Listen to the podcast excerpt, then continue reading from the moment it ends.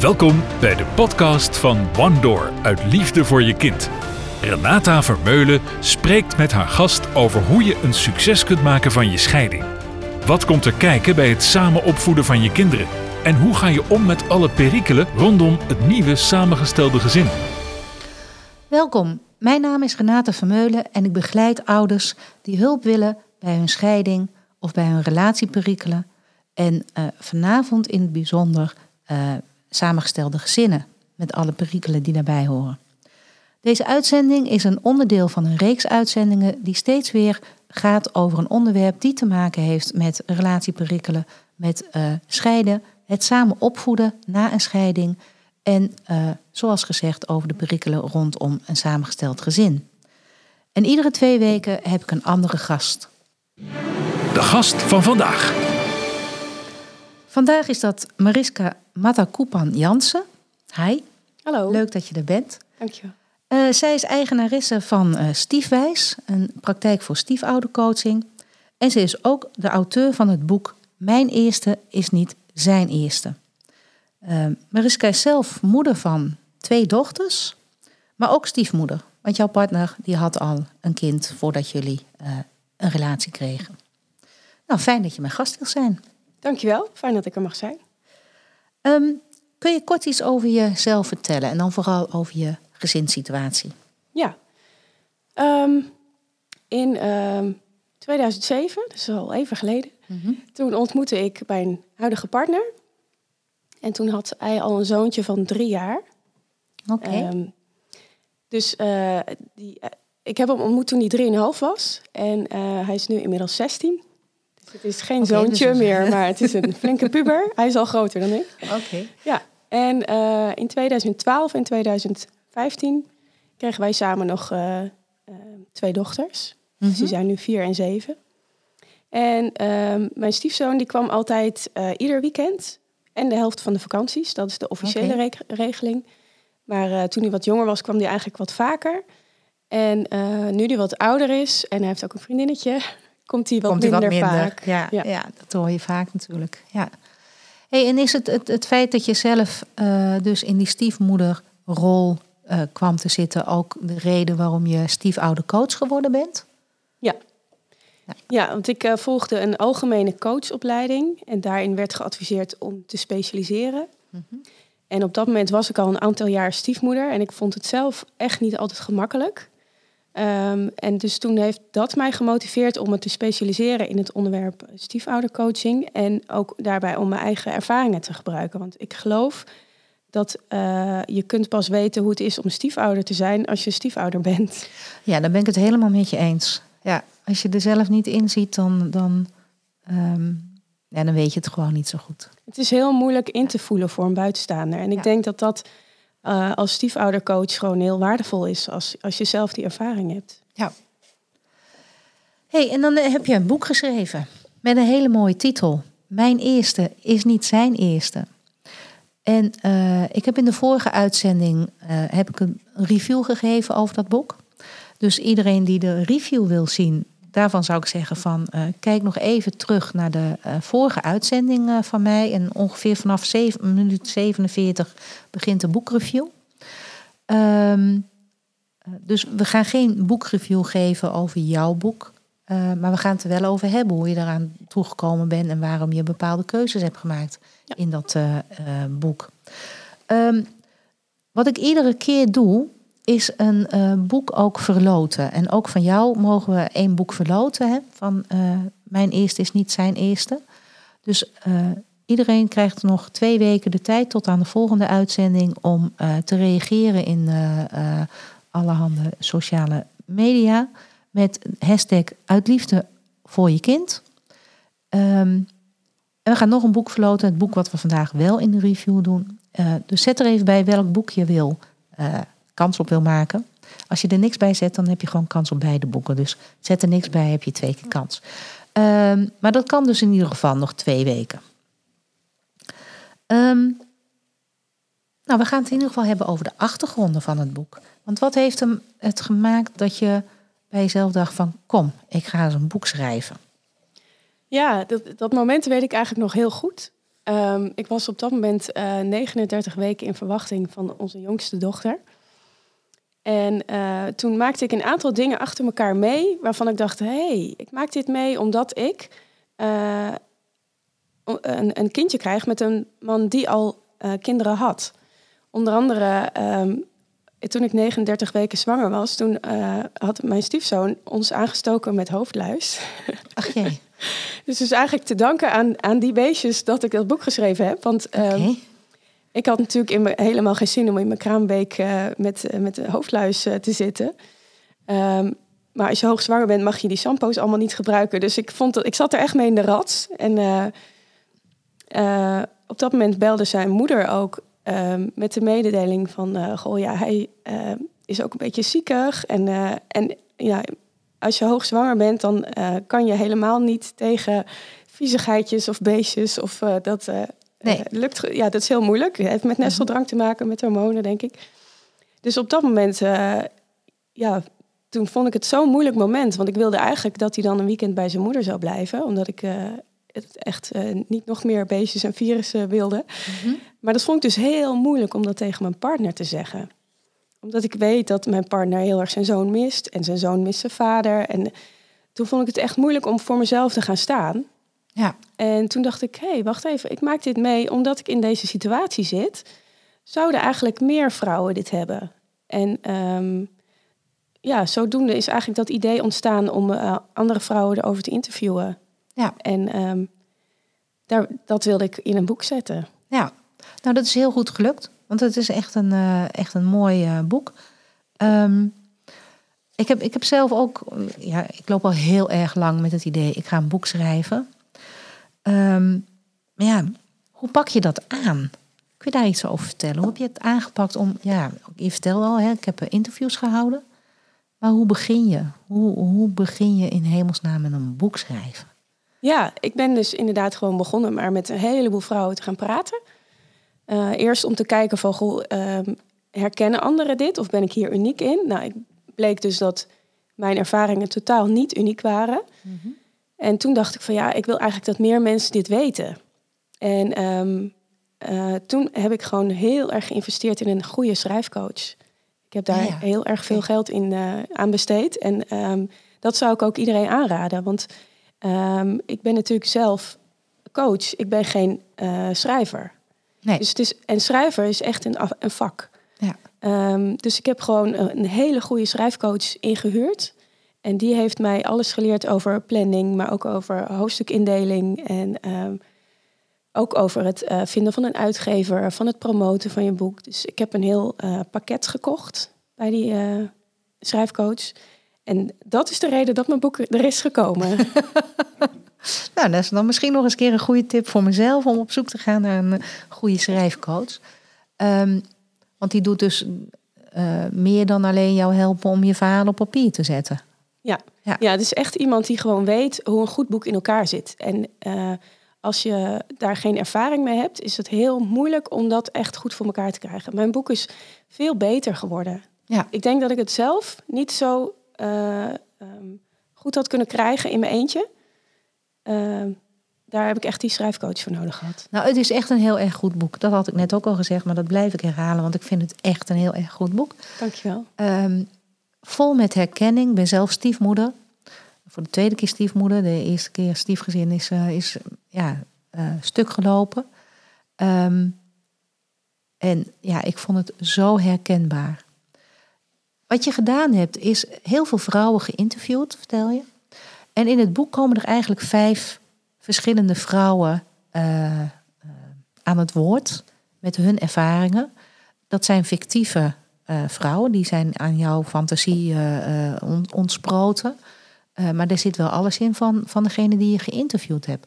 Wat heeft ervoor gezorgd dat je voor die opzet hebt gekozen? Waarom vijf rolmodellen, stiefmoeders? Ja, nou, ik heb natuurlijk met zoveel vrouwen gesproken. En op een gegeven moment ging ik die quotes verwerken in het boek. En het, um, het werd een beetje onduidelijk. En toen kwam dus eigenlijk mijn schrijfcoach met dat idee van waarom bedenk je niet vijf fictieve stiefmoeders? Want daarmee kunnen de lezers, lezeressen, zich ook identificeren. Dus ik heb geprobeerd om uh, vijf verschillende. kijk, want iedere situatie is uniek. Dus ehm, ik heb geprobeerd om zoveel mogelijk vijf situaties te creëren, zodat iedereen zich wel in één van de vijf kan herkennen. Ja, nou ja, dat is goed gelukt. Want ja, ik begon met lezen en dan, je hebt het er ook bij gezegd, hè, dat, het, dat het fictieve uh, moeders zijn. Maar toch, ja, halverwege het boek, dan heb je er een van, uh, ja, weet je, die maakt hetzelfde mee als wat ik heb meegemaakt. Uh, en met anderen heb je dan iets, iets minder, maar herken je het ook wel, want het zijn allemaal zulke herkenbare verhalen. Hey, en voor wie heb je het boek geschreven? Heb je het alleen geschreven voor de moeders die dus zwanger zijn van hun eerste uh, kindje? Met een man die al, al andere kinderen heeft? Of is je doelgroep wat groter? Ja, ik heb bij, bij het schrijven best wel geworsteld met de doelgroep. Um, uiteindelijk is het boek uh, geschreven voor de vrouwen die hun eerste kind krijgen met een man die al vader is. Mm -hmm. Dat is uiteindelijk de doelgroep geworden. Eerst was ik aan het schrijven voor alle stiefgezinnen waar nog een kindje in geboren wordt. Maar dat was heel ingewikkeld tijdens het schrijven.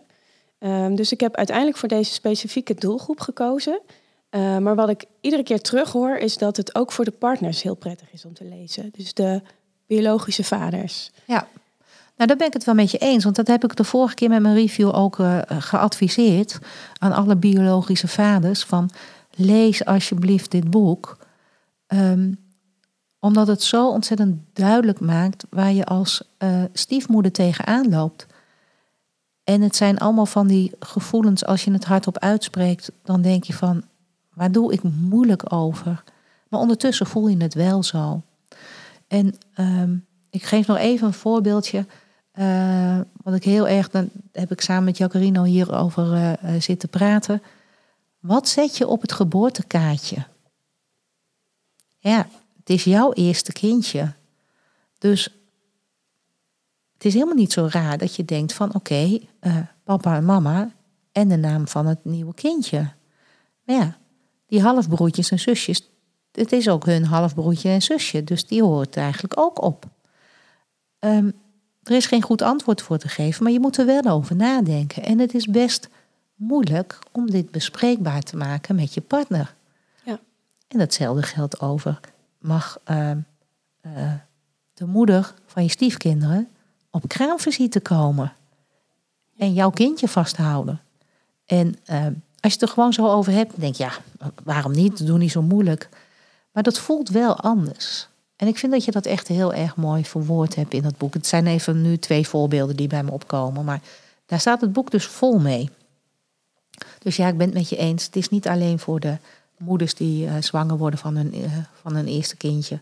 Maar uh, ja, eigenlijk iedereen die te maken heeft met stiefgezinnen zou ik het willen aanraden. En ook de professionals die ermee werken.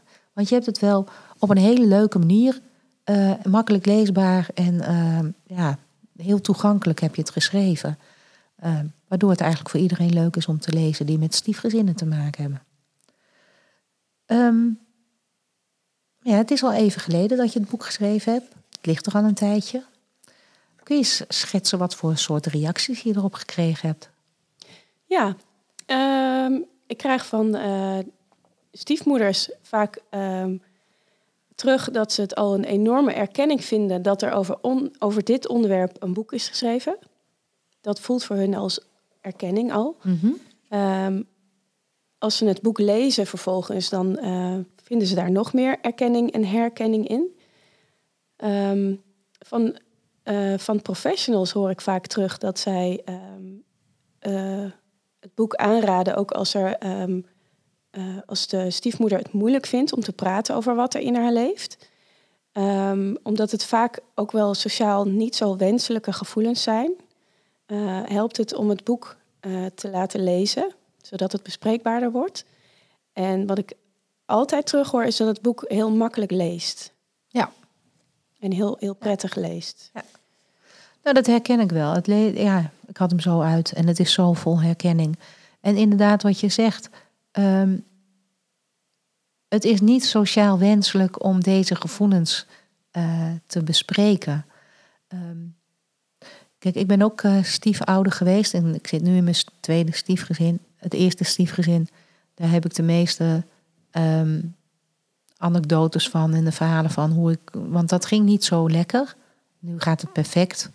Maar toen ging dat niet zo lekker. En ehm, ik weet nog dat, dat uh, als mijn stiefkinderen in huis kwamen, dan was mijn huis niet meer van mezelf. En um, uh, ik gunde die kinderen alles. Maar ik heb zelf geen kinderen. En ik was helemaal geen kinderen gewend.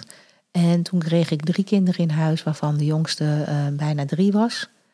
En um, de oudere waren zeven en elf, zoiets. Um, maar vooral die jongste, die leerde net zelf uh, naar de wc te gaan en zijn billen af te vegen.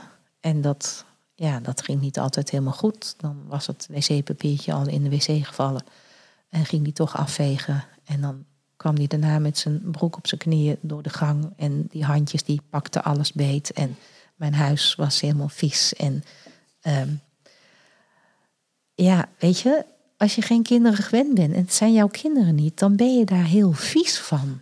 Weet je, als het je eigen kinderen zijn, dan denk je, ach, weet je, je ruimt het op en uh, uh, prima. Maar het, het is alsof er een wildvreemde met poephandjes door je huis heen loopt. En nou, dit is dan een erg extreem voorbeeld, maar dat had ik eigenlijk met heel veel dingen. En uh, voordat, ik, uh, uh, voordat ze bij mij in huis kwamen, had ik altijd mijn hulp in de huishouding. Die kwam op vrijdag het huis even schoonmaken. En dan had ik een schoon huis in het weekend. Maar toen die uh, stiefkinderen regelmatig kwamen, heb ik dus aan mijn schoonmaakster gevraagd of ze voortaan op maandag wilde komen. Want dan had ik daarna mijn huis weer schoon. En als je dat tegen mensen vertelt, dan hebben mensen echt zoiets van, nou, belachelijk. Maar toch voelde het zo voor mij. En ik heb daar heel erg mee geworsteld. En, en um, nou ja, ik kon er een goede smoes aan hangen. Nu weet iedereen het, want ik heb het gewoon live verteld. Maar ik had toen een hele goede smoes waarom zij op maandag zou moeten komen. Maar de reden was mijn stiefkinderen. En dit is maar één klein voorbeeldje. Zo zijn er zoveel dingen wat zo moeilijk um, ja, te vertellen is, omdat het gewoon niet sociaal wenselijk is. Mm um, nou ja, jij bent zelf ook stiefmoeder. Heb jij nog leuke anekdotes die je daarover kunt vertellen? Um, over mijn eigen rol als stiefmoeder? Of, ja, of, of wat je tegenkomt in je, in je praktijk als stiefoudercoach? Ja, wat ik altijd zo wonderlijk uh, vind om te zien is... Uh, je kent vast de term bloedwrok. Uh, ja, maar ik denk dat heel veel van onze kijkers en luisteraars dat niet kennen. Dus leg het eens uit. Ja, ik zal het even uitleggen. Bloedwrok is eigenlijk dat als uh, als beide partners kinderen hebben, uh, als de ene partner dan commentaar heeft op de kinderen van de ander, dat uh, de ander automatisch eigenlijk commentaar op de, op de kinderen van de een gaat leveren. Um, ja, zo van jouw kinderen eten niet netjes met mes en vork. Nou, heb je jouw kinderen wel eens gezien dan? Ja, ja dat, dat, Is, dat is bloedwrok. En uh, ik vind dat altijd heel wonderlijk om te zien, omdat het is, uh, het is een soort reflex wat mensen hebben dat... Ja, ik, ik leg het ook wel eens aan mensen uit van, uh, die dan zelf niks met een stiefgezin te maken hebben. Van, als ze dan wel broertjes of zusjes hebben. Um, stel dat je heel erg ruzie hebt met je zus. En het buurmeisje gaat zich ermee bemoeien en die gaat zeggen dat jouw zus toch wel een ongelofelijke trut is. Dan zeg je hallo, het is wel mijn zus en blijf jij vanaf. Ja, dus het is niet alleen binnen stiefgezinnen, maar het is sowieso. Je komt voor je broertjes en zusjes kom je op. En je komt op voor jouw kinderen. Ja. En binnen een, een, een stiefgezin heb je inderdaad gewoon twee gezinnen die naast elkaar zitten. Ja, ja. ja ik vind dat altijd heel uh, bijzonder om, om te zien. Omdat het gewoon zo, het, is haast iets biologisch. Het is een soort reflex en uh, uh, het, het, is, het speelt eigenlijk altijd. Ja.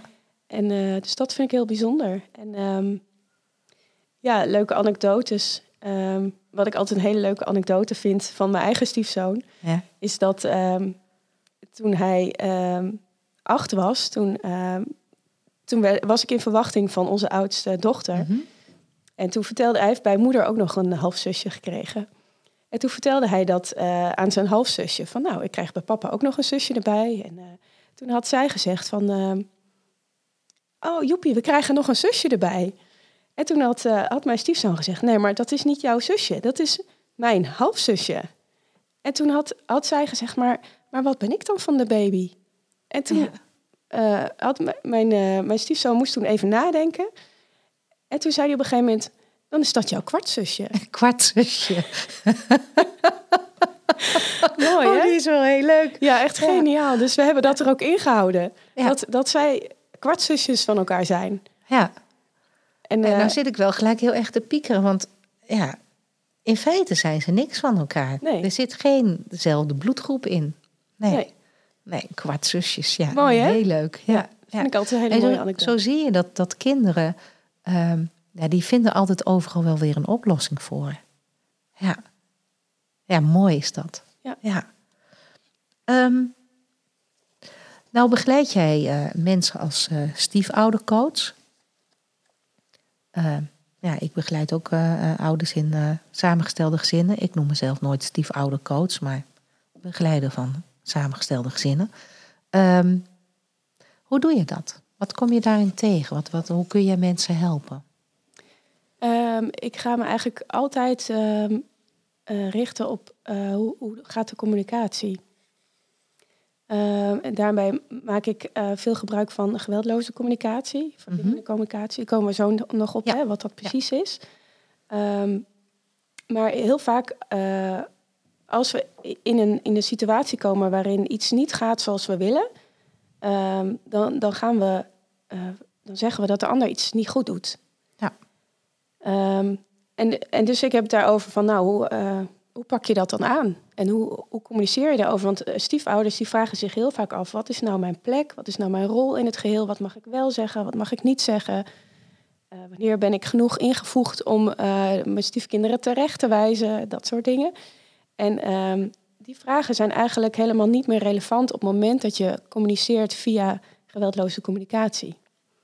Dus als ik bijvoorbeeld vind dat mijn stiefzoon een sloddervals is, hè, of als hij Mhm. dingen moet opruimen, ehm, me- mensen hebben dan vaak de neiging om eh, de, de partner aan te spreken. En dan zou ik bijvoorbeeld mijn man aanspreken van je moet even tegen je zoon zeggen dat hij dat en dat moet opruimen. Ja. Maar dat is eigenlijk heel onhandig, want misschien is mijn partner niet thuis. eh, en misschien zegt mijn partner dat, eh, dat hij dat niet gaat doen. Of misschien vindt hij dat onzin. En dus Zeg het zelf maar. Als jij er last van hebt, moet je Ja. zelf maar zeggen. Ja. Ja. Of misschien denkt de stiefouder wel, maar dat kan ik niet maken. Hè? Het is ook zijn huis, dus ik mag, ik mag daar niks van zeggen. Dus er zitten allerlei gevoeligheden. Terwijl als je eh, het uitdrukt via verbindende communicatie, dan heb je daar allemaal geen last van. Want hoe zou je het dan brengen?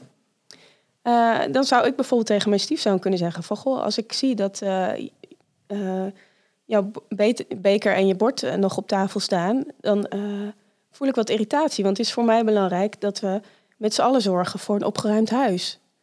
Zou je bereid zijn om de boel in de vaatwasser te zetten? Ja, dan eh, denk ik dat hij eh, weinig anders kan zeggen van... eh, ah ja, joh, doe goed, doe ik wel even.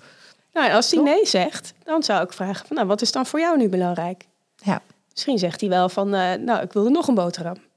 Ja, iets, iets simpels. Maar, dus daar, daar help ik stellen vaak mee om die communicatie anders te doen. eh, naar, naar de stiefkinderen toe, of naar de eigen kinderen ook natuurlijk. Mhm. En naar elkaar. Ja. En ehm, wat ik ook vaak merk is dat als we heel erg, als iets ons heel erg raakt, dan is het best wel moeilijk om geweldloze communicatie eh, Mhm. te gebruiken. Dus dan ga ik kijken van nou, wat wordt er getriggerd. En, en dus triggers herkennen. En een trigger is eigenlijk dat er een soort, ja, dat iemand een emotionele wond aanraakt. Ja. Dus wat is dan die emotionele wond? En ehm, als iemand echt heel veel triggers heeft, dan, dan moet ik wel doorverwijzen, want ik ben geen therapeut. Mhm. Uh, maar kan wel helpen om de triggers te herkennen en te zien waar dat vandaan komt. En ook Ja. te proberen om, uh, als je weet dat je trigger geraakt wordt, dat je dat niet op de ander uitstort, maar bij jezelf houdt.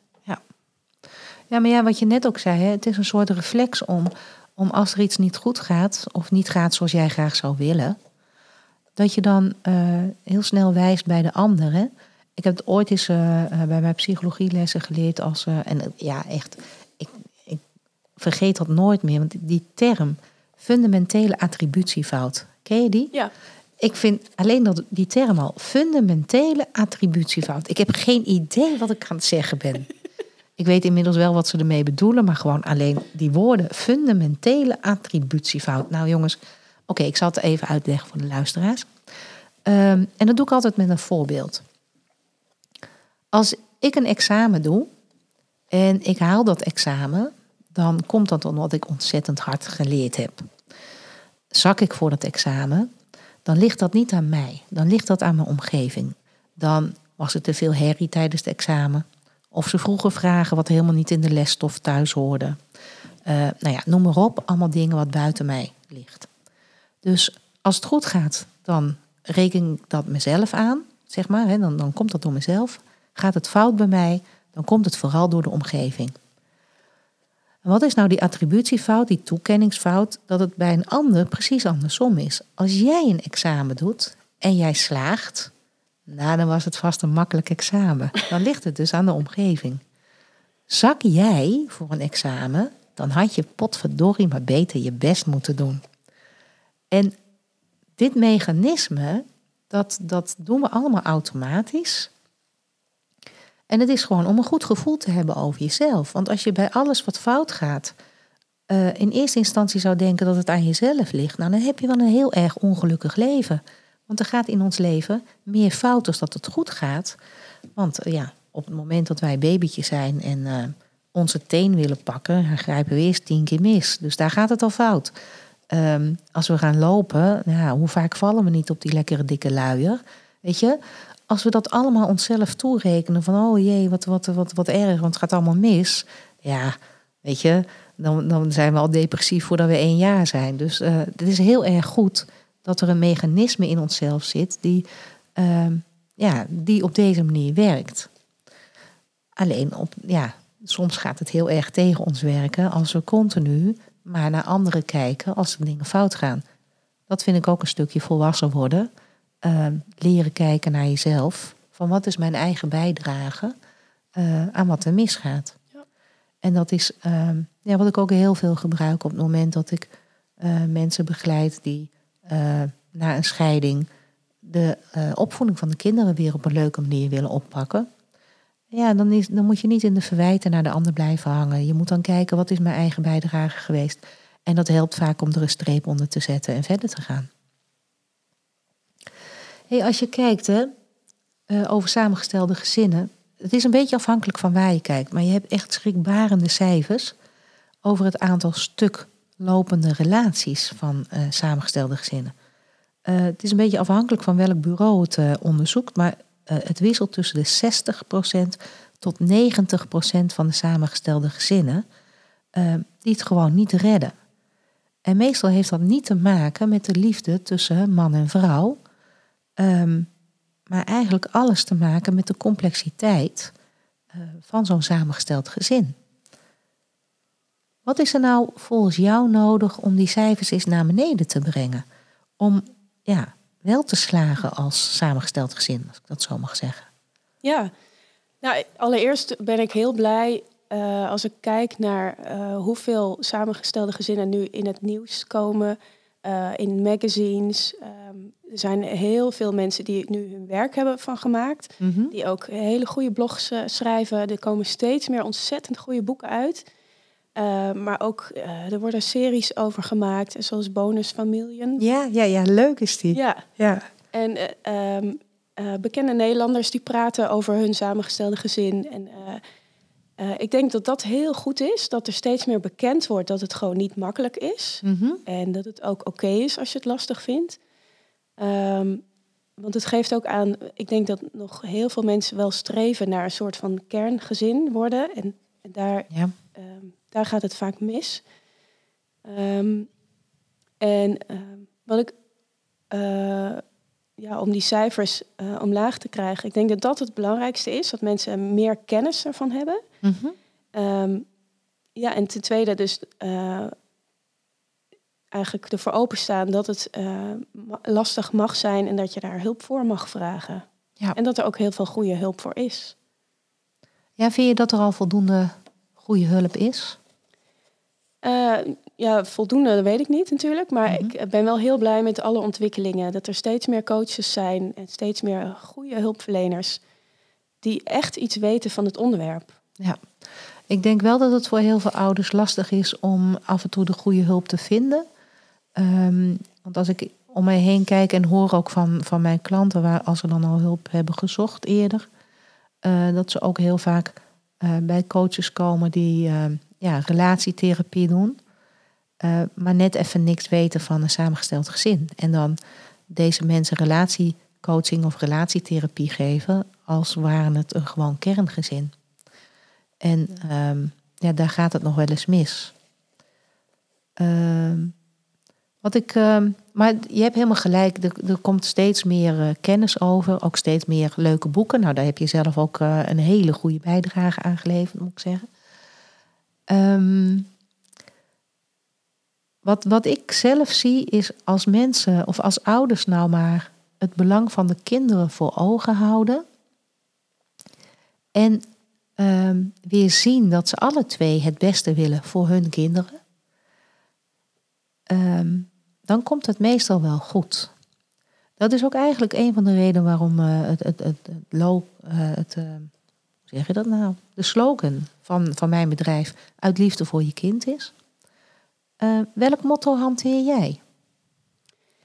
Um, ik probeer te werken en te leven eigenlijk volgens het principe practice what you preach.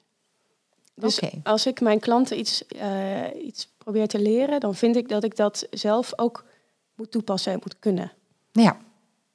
Uh, maar ook bij mijn kinderen bijvoorbeeld. Als ik wil dat zij uh, respectvol zijn naar anderen, dan mag ik eerst respectvol zijn naar hun en ook naar anderen. Dus ja. het is een beetje een modeling. Uh, laat, ja, zelf de verandering zijn die je in anderen wil zien. Ja, ja het, het goede voorbeeld geven, in feite. Ja, ja. ja. oké. Okay. Ja, dat is wel heel mooi dat je dat zo zegt. En ik kan me ook voorstellen dat als je dat inderdaad ook zo probeert, um, dat je dan ook zelf heel goed weet wat de struikelblokken zijn en wat de, wat de problemen daarbij kunnen zijn. Waardoor je ja, je, je klant en ook je kinderen heel goed kan begrijpen dat, als het, dat het niet altijd direct lukt. Hè? Je kunt nog zo goede intentie hebben, maar ja, je moet mogen falen hè, in dit leven. En dat vind ik eh, ook binnen een samengesteld gezin wel heel belangrijk. Dat ook um, de ouders onderling, maar ook richting de kinderen elkaar de ruimte geven om uh, deze nieuwe samenstelling, om daarmee te leren leven. En er mogen best fouten bij gemaakt worden. Um, nou, ik, uh, ik denk dat we een, een, een, mooi uh, beeld hebben gekregen van, uh, van wie jij bent en wat de achtergrond is van het boek. Dus daar wil ik eigenlijk dit interview mee, mee afronden. Niet dat mensen nou weg mogen gaan, want we gaan nog kaartjes trekken van Recht uit mijn hart. Recht uit mijn hart. Het kaartspel voor ouders en kinderen in scheiding. Ja, zoals ik dus zei, de kaartjes van Recht uit mijn hart. Um, ik wil jou vragen, ik ben ze even aan het schudden, uh, om drie kaartjes eruit te trekken en antwoord te geven op de vragen die daar sta staan. Als het nou een vraag is waarvan je zegt van nou, dit is helemaal niet voor mij uh, van toepassing, of dit wordt te persoonlijk, dan uh, mag je hem inruilen uh, voor een nieuw kaartje. Je mag er ook één voor mij trekken, dan ga ik daar antwoord op geven.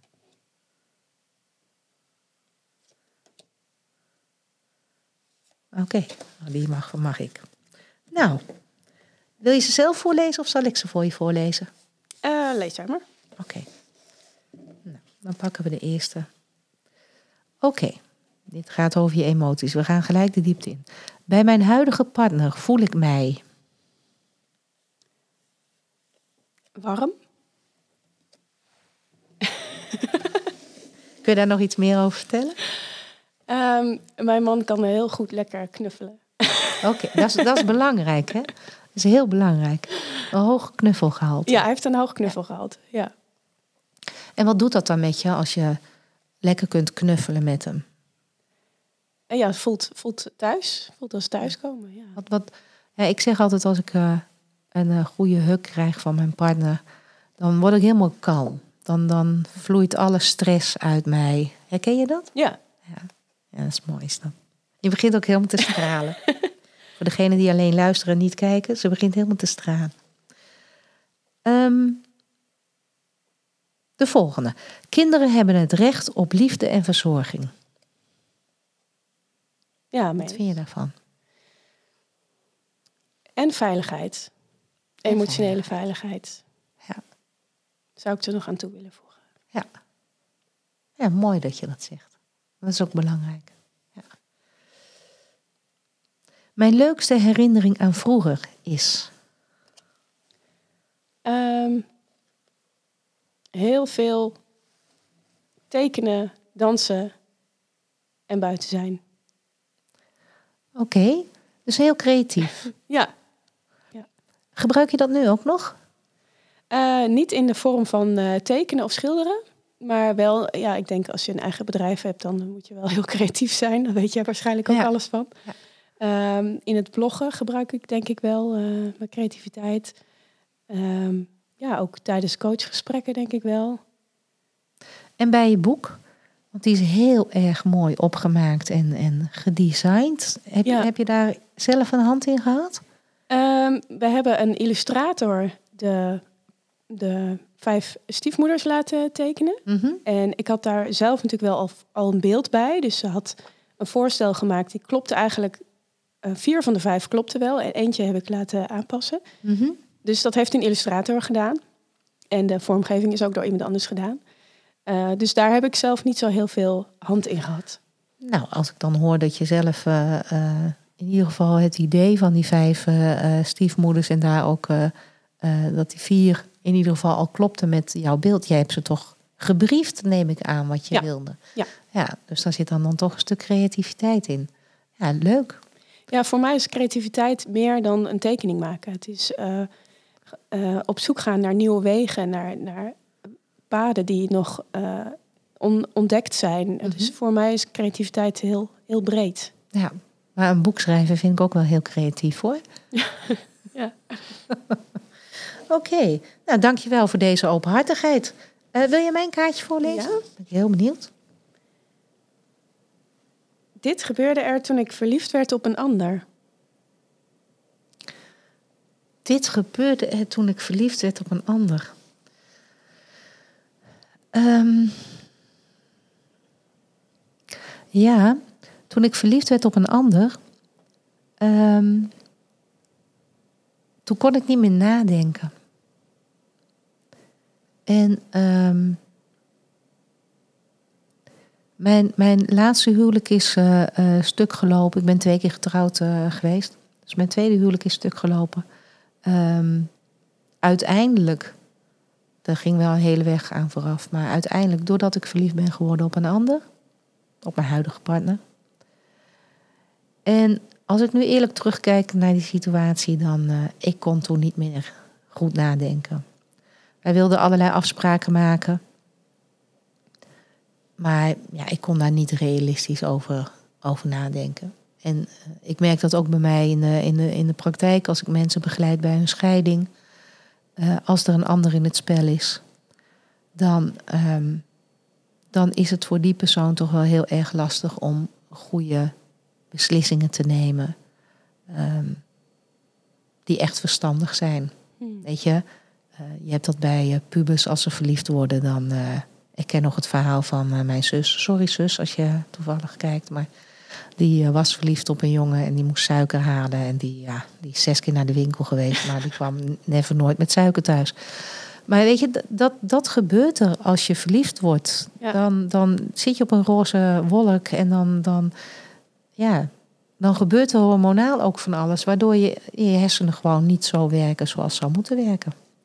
En dat is, uh, dat is lastig. Vooral als er op dat moment een relatie uh, ten einde komt en je afspraken moet maken. Hmm. Ja. Ja. Nou, leuk.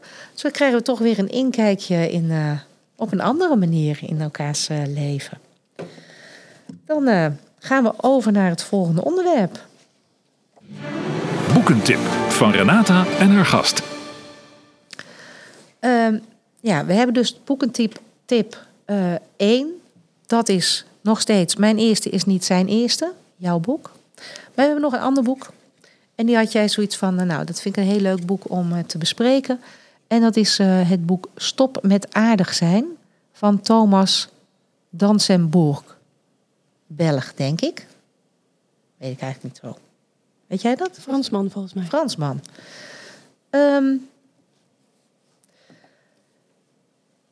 Kun je kort vertellen waarom je dit boek hebt uitgekozen? Ja, ehm, ik kan in principe alle boeken wel uh, van, van de grondlegger van geweldloze communicatie aanraden. En de grondlegger is Marshall Rosenberg. Hij heeft zelf ook een aantal boeken geschreven. Um, maar dit boek heb ik uitgekozen omdat dit gaat ook over geweldloze communicatie. Uh, maar het is geschreven door iemand die uh, niet uit Amerika komt. Ja. En dat is denk ik toch iets herkenbaarder voor, uh, voor de Nederlander. Het is heel toegankelijk geschreven. En ehm, ja, wat ik net al zei, geweldloze communicatie, toen ik daarmee in aanraking kwam, dat gaf mij heel veel helderheid. En ik snap heel veel dingen nu ineens stukken beter. En ik denk dat het voor stiefouders heel behulpzaam is om dit boek te lezen. Ja.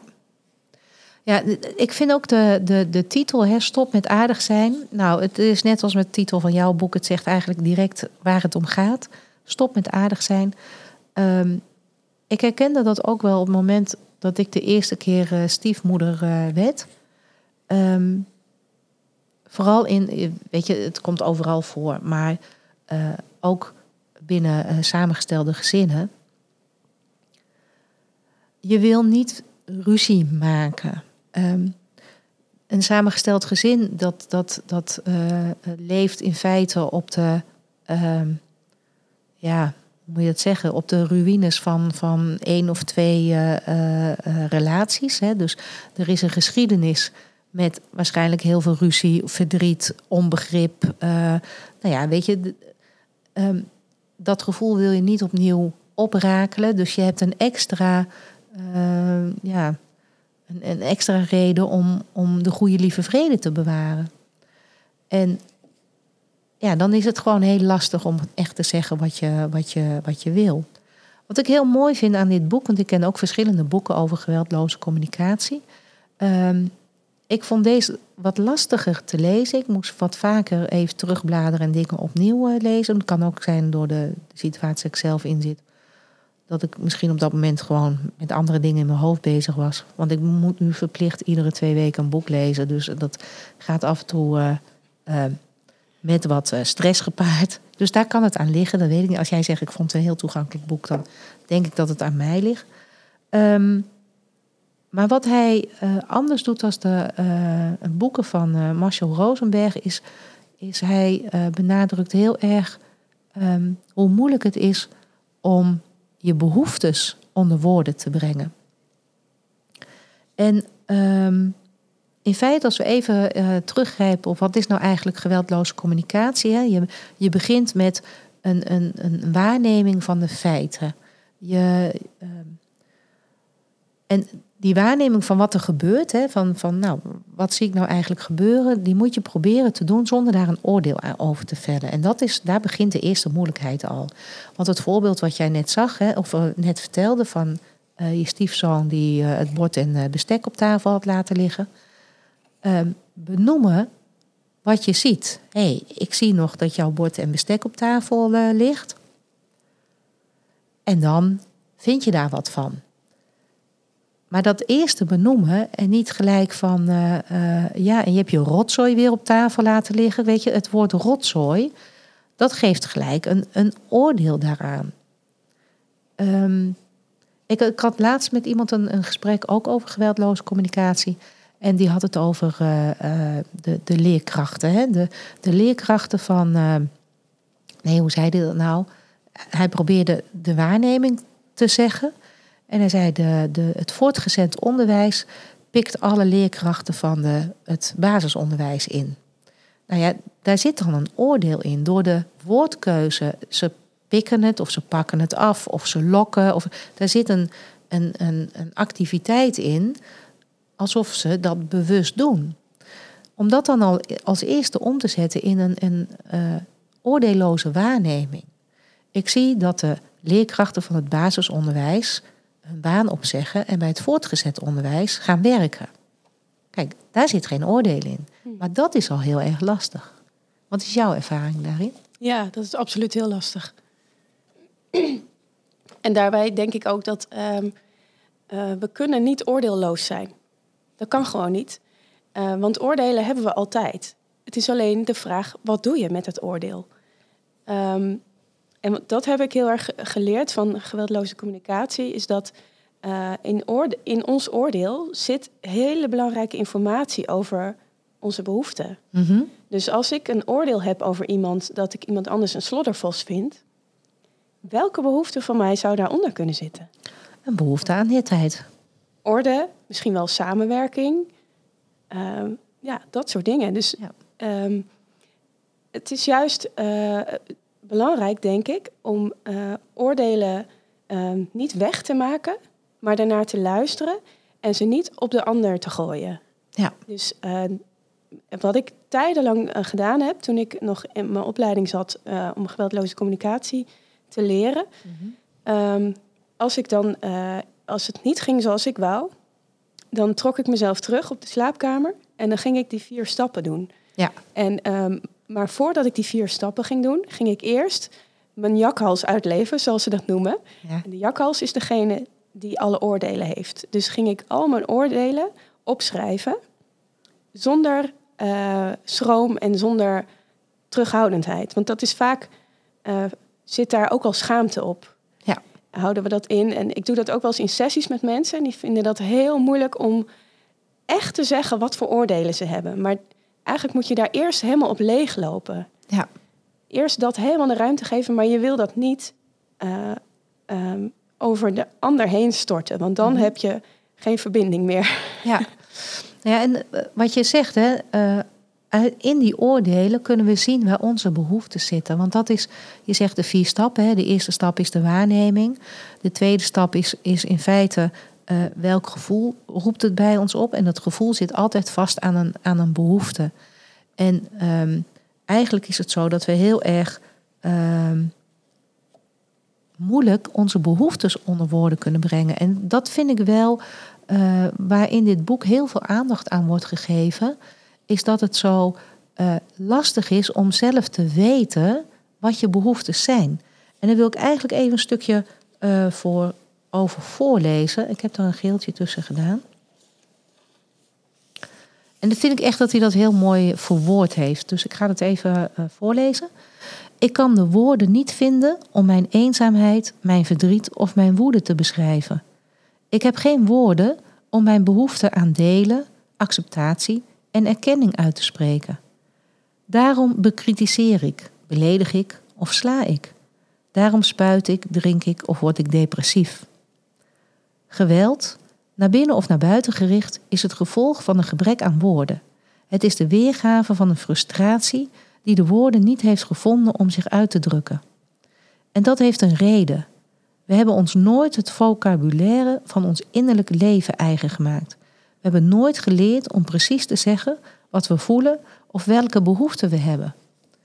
We hebben vanaf onze kindertijd geleerd om ons af te snijden van onze eigen behoeftes en gevoelens en ons te richten op die van onze vader en moeder, onze broers en zussen, van onze onderwijzers enzovoort.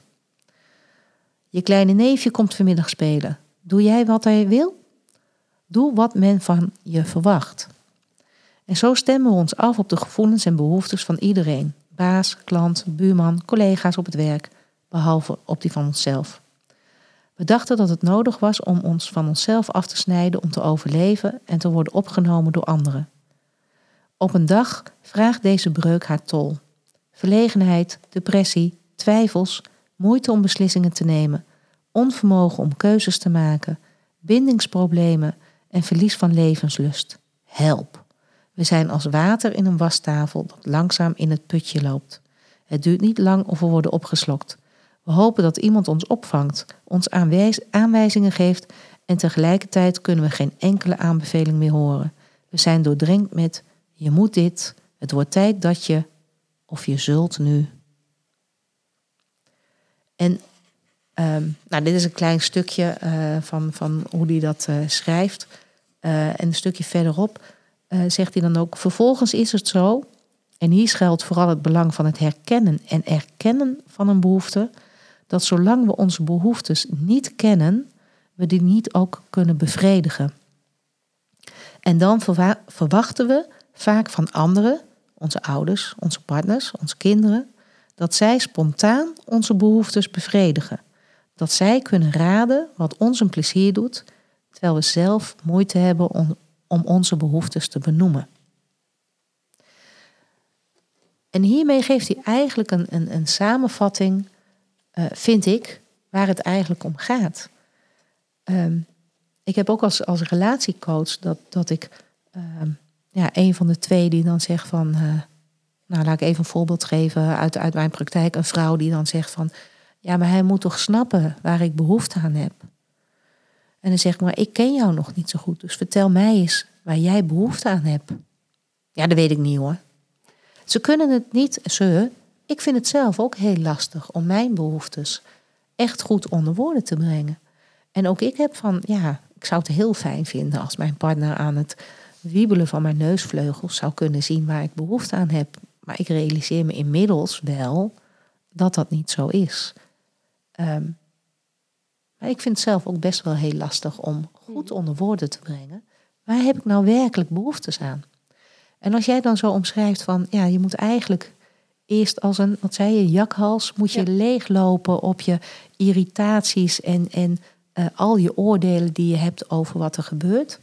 Want uit die irritaties, daaraan kun je op een gegeven moment ontleden van, hé, hey, wacht even, ik herken een patroon. Ik heb er gewoon behoefte aan dat ik gezien word. Of ik heb er behoefte aan dat ik gerespecteerd word. Of dat mijn huis netjes is, wat jij net zei. Hè? Dat, uh, ja, ik vind dat wel een hele goede tip. Omdat, uh, dat komt niet uit het boek, dat is een tip van uh, Mariska, jongens. Ga leeg als een jakhals op je oordelen op wat er gebeurt. Ja. Ik wil daar nog wel iets over zeggen, want uh, Marcel Rosenberg, de bedenker van uh, geweldloze communicatie, die heeft een heel leuk uh, filmpje hierover gemaakt, over liefde.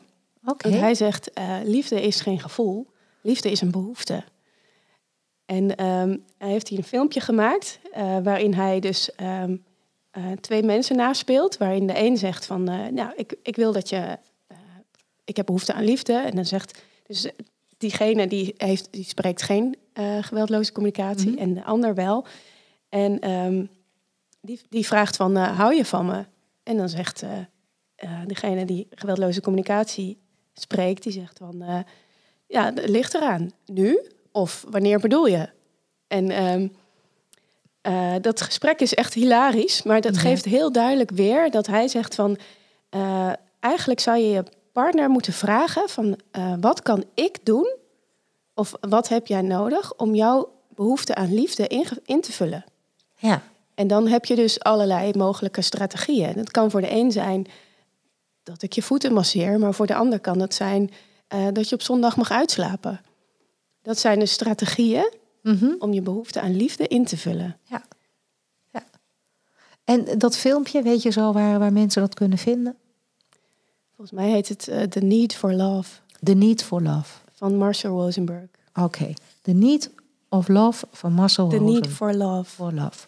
Okay. Ik vind me er niet op vast. Ik ben niet helemaal zeker. Maar dan nee, zit maar als dus we daar een beetje gaan googelen, dan... Uh, het is echt een hilarisch filmpje. Oké. Okay. Nou, iedereen uh, goede tip om die ook nog eens te bekijken. We hadden het over vier stappen, hè. daar heeft hij het ook over. Het is dus uh, benoemen wat je, de, de waarneming hè, van wat, wat gebeurt er nou eigenlijk. Dan wat voel je daarbij en welke behoefte zit daaronder. Dat zijn dus drie stappen. En dan hebben we nog de vierde stap. Dat is dan uiteindelijk het verzoek doen. Kun je daar iets over vertellen? Uh, ja, een, um, een verzoek binnen de verbindende, verbindende communicatie, die term gebruik ik door elkaar met geweldloze communicatie, mhm, maar het is eigenlijk hetzelfde. Uh, het verzoek moet concreet, meetbaar en uh, uh, uitvoerbaar zijn. Mm -hmm. En moet voorafgegaan worden eigenlijk door de eerste drie stappen. Want anders noemen ze dat een naakt verzoek. Ja. um, dus als ik uh, een, een verzoek wat niet um, uh, wat bijvoorbeeld te vaag is, is van wil je alsjeblieft uh, wat minder werken? Terwijl ik, is, stel, uh, ik vind dat mijn partner te veel werkt, hè, hij is mhm. niet, niet genoeg thuis, of, het is even een fictief voorbeeld. Um, dan kan ik tegen hem zeggen, nou, als ik zie hoe vaak je weg bent, dan voel ik me verdrietig, want ik heb behoefte aan meer samen zijn. Zou je wat minder willen werken? Mm -hmm. Er is dus een voorbeeld, wat Marshall Rosenberg ook zelf gaf in zijn uh, trainingen. Uh, dat was een vrouw die had dat tegen haar man gezegd. Ja. En wat ging haar man doen? Die ging minder werken, maar die ging dus een cursus golf doen. Want hij dacht, ik doe precies wat jij van me vraagt. Minder werken en leukere dingen doen. Ja. hij was nog steeds niet meer bij haar. Dus het is belangrijk om dat verzoek zo concreet mogelijk en zo uitvoerbaar mogelijk in positieve taal te doen. Dus zij had beter kunnen vragen: zou je ehm, in de agenda willen zetten dat je één keer per week thuis bij mij bent? Ja. Of iets dergelijks. Ja. Dus zo concreet mogelijk en ook uitvoerbaar. Ja. En in het boek hè, van, uh, van Thomas uh, hij gaat daar ook op in van uh, je doet een verzoek en dat verzoek moet ook bespreekbaar zijn. Ja. En daarin vertelt hij ook zo heel erg mooi dat mensen heel erg het idee hebben dat ze goed met elkaar communiceren. Um, en ik hoor dat in mijn praktijk ook regelmatig van nee, de communicatie tussen ons dat gaat prima. Maar dan hebben ze het meer over dat ze met elkaar praten en niet met elkaar communiceren. Want uh, als je iets tegen elkaar aanvertelt en de ander vertelt ook iets, dan ben je heel leuk met elkaar aan het praten. Uh, maar wat heel belangrijk is, is dat je ook naar elkaar kunt luisteren en dat je kunt horen wat, wat, wat is nou eigenlijk de behoefte van de ander. Um, dus in jouw voorbeeld van, ja, ik wil graag dat je minder, uh, minder gaat werken had deze man, als hij goed kon luisteren, had hij gezegd van oké, je wil dat ik minder ga werken. Um, maar waarom wil je dat? En wat, wat wil je ermee bereiken? En ja, wat is jouw behoefte daaronder? Wat, wat is jouw behoefte daaronder? En dan krijg je echt een gesprek van luisteren en, en praten en samen tot, tot iets komen. En ja, als het gaat van uh, ik wil graag dat je minder gaat werken. En die man die denkt van nou, dat is prima. Uh, blijkbaar kunnen we dat financieel ophoesten. En uh, nou prima, dan ga ik minder werken. Dan ga ik golven. Ja, hij doet inderdaad precies wat zij zegt. Maar waar het eigenlijk misgaat, is dat hij niet goed, niet goed geluisterd heeft en niet goed gecommuniceerd om door te vragen van wat bedoel je eigenlijk? En dat vind ik ook wel een hele belangrijke binnen de geweldloze communicatie of verbindende communicatie, zoals jij het dan ook noemt. Um, vraag door, hè. controleer of je uh, de ander wel echt begrepen hebt. Dat is wel heel erg belangrijk. Ja. ja. Ja, en ook uh, wat ik met mijn partner heel vaak doe, is dat uh, we beginnen heel vaak zomaar een verhaal. Hè? Mm -hmm. Zo, hoe was je dag? Nou, dan begin ik met een verhaal. En uh, wat wij hebben, wij hebben allebei geleerd dat soms dan stopt mijn partner mij en dan zegt hij, oh wacht even, wat verwacht je nu precies van mij? Wil je dat ik luister of wil je dat ik vragen stel of wil je, wat verwacht je precies van mij? En dat vind ik heel erg prettig. Dus dan, ik probeer nu ook steeds meer, voordat ik een verhaal begin, na te denken bij mezelf met met welke, vanuit welke behoefte begin ik dit verhaal? Ja. Wil ik hier een discussie over of wil ik dat hij alleen luistert? Ja, want dat, dat kunnen ze niet aan je neusvleugels zien, zeg ik altijd. Want, dus dat is wel heel goed om van tevoren die kaders te scheppen. Hè? Waar, waar, waar gaat dit gesprek? Uh, ja, waar gaan we naartoe? Wat is de bedoeling? Ja. En dan krijg je heel vaak van mensen te horen. Uh, pff, nou, jeetje, om op zo'n manier te communiceren, dat kost me allemaal veel te veel tijd. En ook daar heeft Thomas echt een hele mooie zin. Ik heb niet opgeschreven op welke bladzijde, maar hij staat op mijn kaartje. Um, dan moet ik alleen even kijken waar die staat. Ik moet even zoeken. Oh, oh ja. Um, we hebben geen tijd om elkaar te begrijpen, maar we nemen wel alle tijd voor misverstanden. En dat is natuurlijk zo, hè? als je kijkt hoeveel tijd ruzies en misverstanden uh, ja, kosten.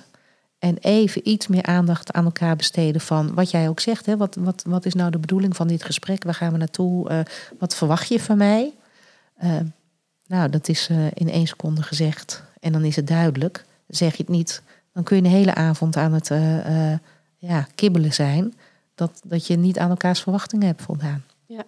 Ik vind dat wel een hele sterke waarneming van hem. Want uh, door die uitspraak begon ik er nog een keer voor mezelf over na te denken. En um, ik heb vroeger op school wel geleerd om ruzies uit te praten. Maar ik heb eigenlijk nooit geleerd om hoe, kan je, hoe weet ik nou dat ik de ander begrijp? En wat kan ik doen om de ander te begrijpen? Daar heb ik geen. Ik kan me niet herinneren dat ik daar ooit uh, les over gehad heb of Nee, daarin begeleid ben. Dus in die zin is het logisch dat we heel veel tijd besteden aan het oplossen van conflicten. Want die hebben ook een hogere leidensdruk. Ja. Ehm, maar ik denk dat we uh, met z'n allen nog niet zo heel goed geleerd hebben hoe, ehm, hoe we nou de ander goed kunnen begrijpen. Ja. Nou, en ik denk dat wat dat betreft wij als, als uh, coaches binnen samengestelde gezinnen, um, waar communicatie zo ontzettend belangrijk is, ja, een mooie bijdrage kunnen leveren om um, ja, de mensen aan de hand mee te nemen en te oefenen van hoe doe je dit nou? En hoe kun je dit nou op een eigenlijk hele eenvoudige manier doen en uh, met direct resultaat? Want dat vind ik wel, als je hiermee gaat beginnen, heb je gewoon direct resultaat. Nou, we hebben aardig denk ik het boek besproken, want dat is wel een beetje wat, er, wat erin staat. En voor iedereen die, die meer wil weten over de geweldloze communicatie en handvaten, want echt het boek staat ook heel erg vol met allerlei voorbeelden en, en um, ja, ik zou zeggen, ga hem lezen. Wil je hem, uh, wil je een gratis exemplaar, uh, wil je daar kans op maken? Zet dan ergens in de social media onder deze podcast of livestream uh, de hashtag uit liefde voor je kind. En dan uh, gaan we hem uh, over twee weken ook uh, verloten. Nou, en hiermee zijn we eigenlijk bij de uit, hoe heet het, einde van de uitzending gekomen. Um... Wat wil de gast van vandaag jou meegeven? Ja, dat wou ik dus aan jou vragen. Ja. Heb je nog een laatste tip die je aan de, aan de kijkers en luisteraars mee wil geven? Ja, um, mijn ehm, slogan is eigenlijk dat het hebben van een samengesteld gezin uh, kun je eigenlijk zien als een poort naar persoonlijke ontwikkeling. Omdat je in zo'n constructie ontzettend jezelf tegenkomt. En uh, uh, het is aan jou de keuze, wil je door die poort heen lopen en de lessen pakken die je nog te leren hebt in dit leven, of wil je voor de poort blijven staan? En beide is prima en beide hebben verschillende consequenties. En uh, ik denk dat dat ook het mooie is van de kracht van een samengesteld gezin of het zijn van de stiefouder. Ik ben in ieder geval flink met mezelf geconfronteerd als stiefouder mhm. zijnde. En ik, heb, ik ben daar een rijker mens van geworden. Ik heb daar ontzettend veel van geleerd. Dus ik hoop dat iedereen die struggelt of die, die dingen in een samengesteld gezin lastig vindt, daar ook de schoonheid van kan zien als je je lessen oppakt. Ja, nou dat vind ik echt een heel mooi einde van deze uitzending. Ik wil heel hartelijk bedanken. Um, en dan moet ik nog even wat vertellen over de volgende keer. De volgende gast bij One Doors Podcast. Over twee weken zit ik hier met uh, uh, Edwin Beiersbergen. En uh, met hem ga ik het hebben over wat een, een scheiding met je doet in relatie tot je werk. Dus dat is een heel ander onderwerp, maar ook heel erg interessant. Um, wil je zelf een keer mijn gast zijn of ken je iemand waarvan je zegt van nou, dat zou een leuke gast zijn? Laat het me dan even weten, want ik ben op dit, moment bezig uh, met de planning van een tweede seizoen na de zomervakantie. Dus uh, dan hoor ik dat graag. En dan voor nu uh, wil ik iedereen hartelijk bedanken voor het luisteren en kijken. En ik zie jullie weer over twee weken. Dit was een podcast van One Door Mediation and Coaching. Wilt u meer informatie naar aanleiding van deze podcast? Kijk dan op www.uitliefdevoorjekind.nl.